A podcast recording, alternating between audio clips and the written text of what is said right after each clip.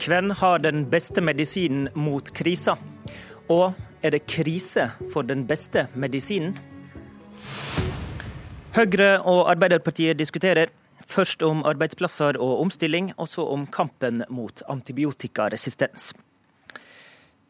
Når vi diskuterer behovet for arbeidsplasser framover, så bruker statsministeren gjerne ordet omstilling, mens Arbeiderpartiet oftere drar fram ordet arbeidsløse. Ap-leder Jonas Gahr Støre, hva er feil med Høyres kamp mot arbeidsløse? Den eh, Hovedfeilen er at eh, den kom for sent i gang. Eh, tiltakene var for små, og de holdt igjen på tiltak de burde ha kommet med før. Bl.a. et utvidet permitteringsregelverk som gjør det mulighet for bedriftene å bevare arbeidsplassene.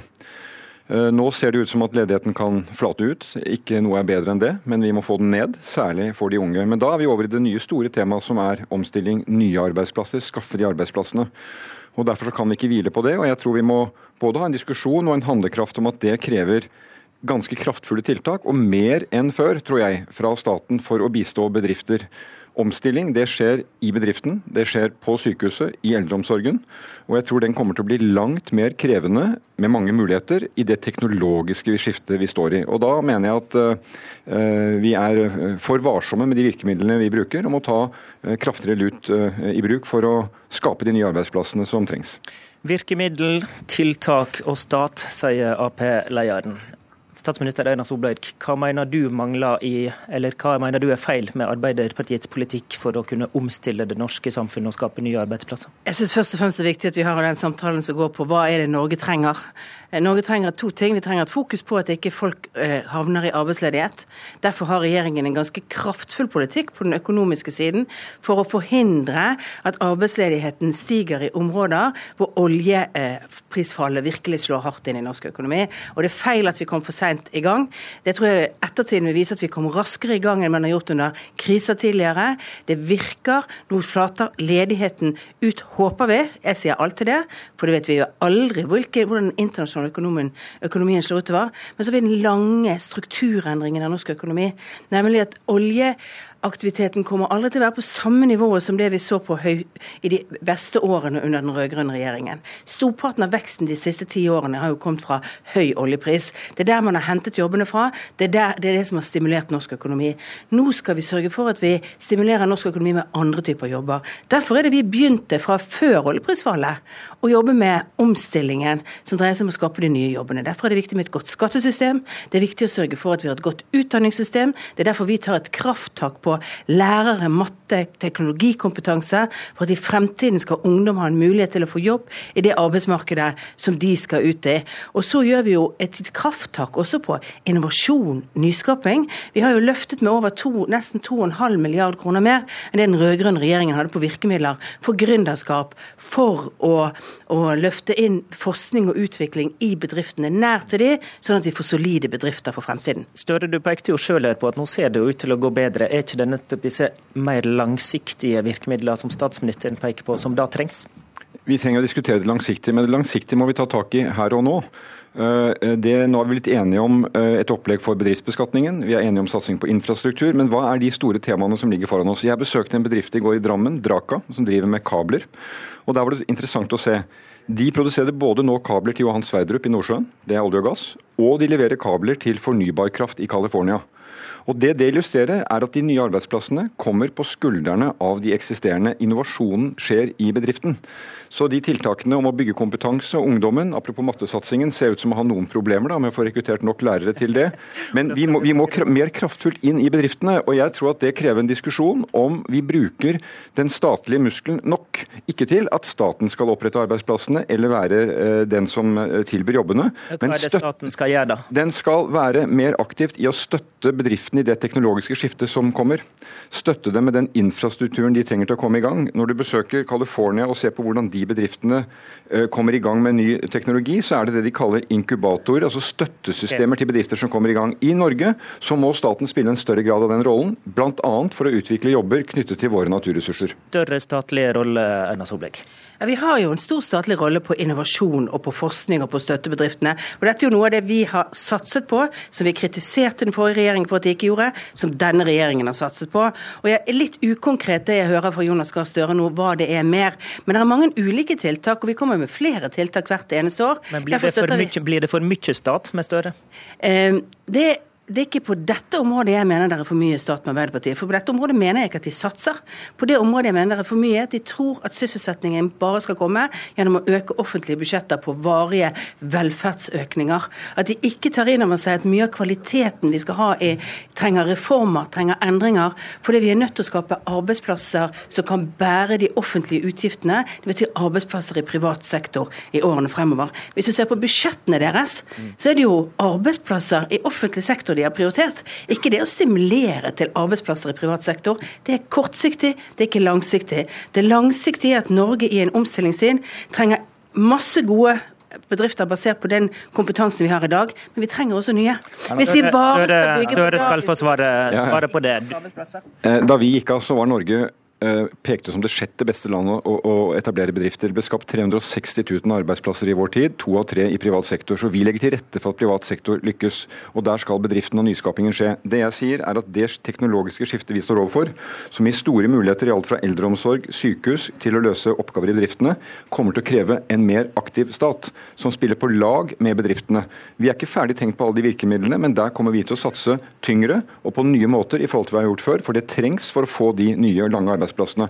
Det å satse på offentlig sektor er klokt hvis det handler om å satse mer på lærere, mer på tidlig innsats for at ungene ikke faller fra, mer på yrkesfagløft, slik at vi har fagarbeidere som kan gjøre jobber i helsesektoren, i klimaskiftet, i, i møte med de, med de, voksne byene. Vil du løfte mer i den delen av offentlig sektor? Det blir regjeringsskifte, for det er jo disse tingene vi har satset på etter regjeringsskiftet. da. Det er jo derfor vi har satset på yrkesfag, det er jo derfor vi har satset på lærerkompetansen. Det er jo derfor vi har satset på innovasjon og nyskaping som ikke skjedde tidligere. Så egentlig Jonas Gahr Støre burde være glad for at vi kom inn i regjering, for vi fører jo den politikken du nå etterlyser på den omstillingen. Det, det er jeg glad for med denne regjeringen, at vi får anledning til å avløse den om ett år. Og da skal det bli kraftig sak. Hashtag glad for avslutter vi med. Så takker vi for denne korte duellen. Både Solberg og Støre blir intervjua om ikke lenge når vi holder fram med partilederintervju på NRK1, men nå skal vi skifte tema.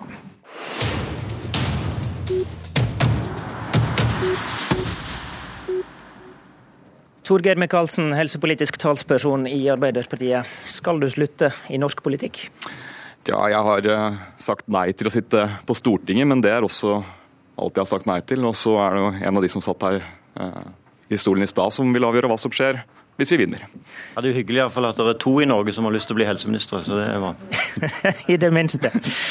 Velkommen også til deg, Bent eh, Høie. Nå eh, er det sånn at dette er dagen for flere helsepolitiske debatter under Arendalsuka, og vi skal ta en av de viktigste, nemlig den om antibiotikaresistens.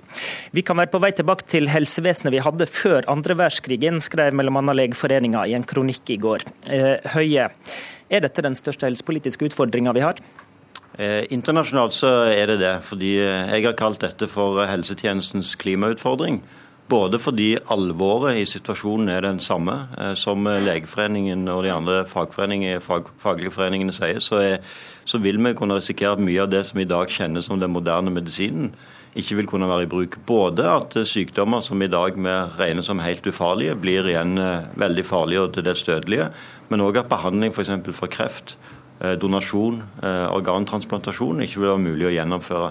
Eh, samtid... Har, vi forstått i verden hvor ille det, dette egentlig kan bli? Nei, fordi dette har vært en lenge varsla situasjon. mange innenfor det medisinske miljøet har i mange år etterlyst politisk handling og engasjement på dette området. og Det er òg grunnen til at vi i regjeringen både nå har lagd en nasjonal strategi mot antibiotikaresistens, sånn som eh, har vært etterlyst, nemlig der en jobber på tvers av sektorene. Akkurat som i klima, en er nødt til å jobbe på tvers av sektorer. Og så har vi lagd handlingsplaner innenfor både helse eh, og mat, som er konkrete handlingspunkter for å redusere den nasjonale bruken av eh, antibiotika. Men han her... som, eh, nå skal vi gå videre. Han som sitter ved siden av deg, han etterlyser nemlig mer eh, handling og engasjement, han også, selv om du har lagd en plan. Hva er det du mener mangler, Michaelsen? Det mangler konkrete eh, tiltak som skal følge opp det som er, jeg opplever er veldig sånn festtalepreget eh, helseminister, som snakker pent og alvorlig om temaet, men som tiltakene overhodet ikke står i stil med den alvorlige virkelighetsbeskrivelsen, som er helt riktig. Det er nasjonalt. Eh, hva har Bent Høie f.eks. tenkt å gjøre med alle de pasientene som lar seg behandle på utenlandske sykehus, ta med seg farlige bakterier hjem. Og i verste Ja, fall kan, hva burde han gjøre? ja, han burde komme langt kraftigere kontrolltiltak, og i hvert fall ikke legge til rette for den type helseturisme som dagens regjering har gjort. Men det som er min eh, aller mest eh, alvorlige eh, kritikk av dagens regjering, det er at de nå ikke bruker de fantastiske embetsverket, fagfolkene, ekspertene vi har i Norge på dette, som er verdensledende, og bruker den politiske og økonomiske kapitalen vi har, til å stille oss i front internasjonalt for å bidra til en internasjonal løsning på disse tingene. For det er helt, helt alvorlig at vi nå er snart 20 år etter sist vi fikk et nytt antibiotisk stoff som virker mot farlige bakterier. Da er det helt andre tiltak som må på banen enn det som ja, Høie har vært villig til å diskutere så Ok, her er det to spor, egentlig det nasjonale og det internasjonale. La oss ta det nasjonale først. da. Du kunne vært strengere bl.a. med de som kommer fra utlandet og hjem. Vi har et eh, strengt regime eh, for oppfølging av de som kommer fra utlandet og hjem i Norge.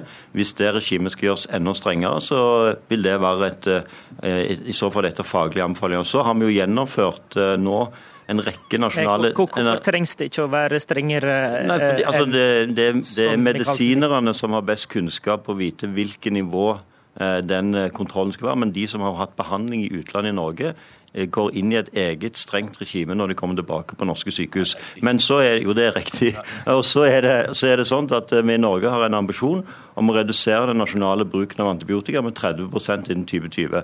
Det mener jeg at vi er godt i rute med å klare. Vi har satt i gang en rekke Er- er- tiltak. La oss høre med Michaelsen. Er det strengt nok, da? 30 Ja, altså det innen 2020? Ambisjonsnivået er, det er, det er bra, og det har Stortinget sluttet seg Men du tror ikke han kan nå det med disse- altså Denne planen han la fram, den hadde en bevilgning på 5 millioner kroner. Ble sterkt kritisert fra oss i Stortinget. og Men er ikke det snakk om holdninger mer enn om penger her? da? Eh, Nei, ja, det, handler, det handler, om holdninger, men det handler også om å ha systemet rundt eh, de som, er, de som skal ivareta praksisen rundt forskriving av bl.a. antibiotika. og Det er også viktig i Norge. Men det som er det mest alvorlige, det er at vi nå eh, for første gang skal ha antibiotikaresistens som tema på eh, høynivådelen i FNs generalforsamling nå i høst. Eh, Og spørsmålet er, når Bent Høie og regjeringen snakker om dette på denne måten, hvorfor i alle dager har de ikke da brukt de månedene som nå har vært bak oss, til å forberede de internasjonale initiativene som må komme, og være si at vi er villige til å ta lederskap, betale, spleise med industrien for å få fram helt andre tiltak enn det som Høie, eh, hva, er i Høie, hva gjør du når du reiser til New York? Og For det første så forstår jeg at uh, Torgeir Micaelsen har behov for å bruke sterke ord og sterk kritikk, uh, fordi han har et sterkt behov for å dekke over den uh, unnfallenheten som de selv hadde i dette spørsmålet når de hadde ansvaret. Det at det skal være et høynivåmøte i New York på dette i, høst, er bl.a. et resultat av det arbeidet som jeg har gjort eh, i Verdens helseorganisasjon sammen med mine kolleger i Storbritannia og Sverige. hva, hva, hva vil det- du foreslå, da? Trenger vi et internasjonalt regelverk for når man bruker Ja, antibiotika? og Det er det som er en av hovedutfordringene. fordi Jeg er helt enig i at vi er nødt til å utvikle ny antibiotika. Men vi kan ikke utvikle ny antibiotika hvis vi ikke samtidig får på plass et internasjonalt regelverk på bruken av den nye antibiotikaen. Det vil i så fall være å kaste både kunnskap og penger ut av vinduet. Så da, så da går Norge i front under FNs generalforsamling og sier dette skal vi prøve Norge kommer til å gå i front for å gi et klart mandat til Verdens helseorganisasjon, Verdens dyrehelseorganisasjon, for å gi eh, klarere, sterkere internasjonale reguleringer både på bruk av antibiotika, men òg for å få i gang arbeid med utviklingen av ny antibiotika. Samtidig som vi tar det nasjonale ansvaret med å redusere den nasjonale bruken av antibiotika, og så i, på den måten òg er et inspirasjon for eh, andre land. Det er vel Dette er mitt eh, hovedtema i alt arbeid som gjøres internasjonalt, i EU, i Norden, i Verdens helseorganisasjon. Det er vel akkurat dette du ønsker deg, Michaelsen, kort til slutt. Ja, problemet er jo at det er, Dette er veldig fint, men eh, det er jo ikke noe handling bak det som skjer. Det er bare prat.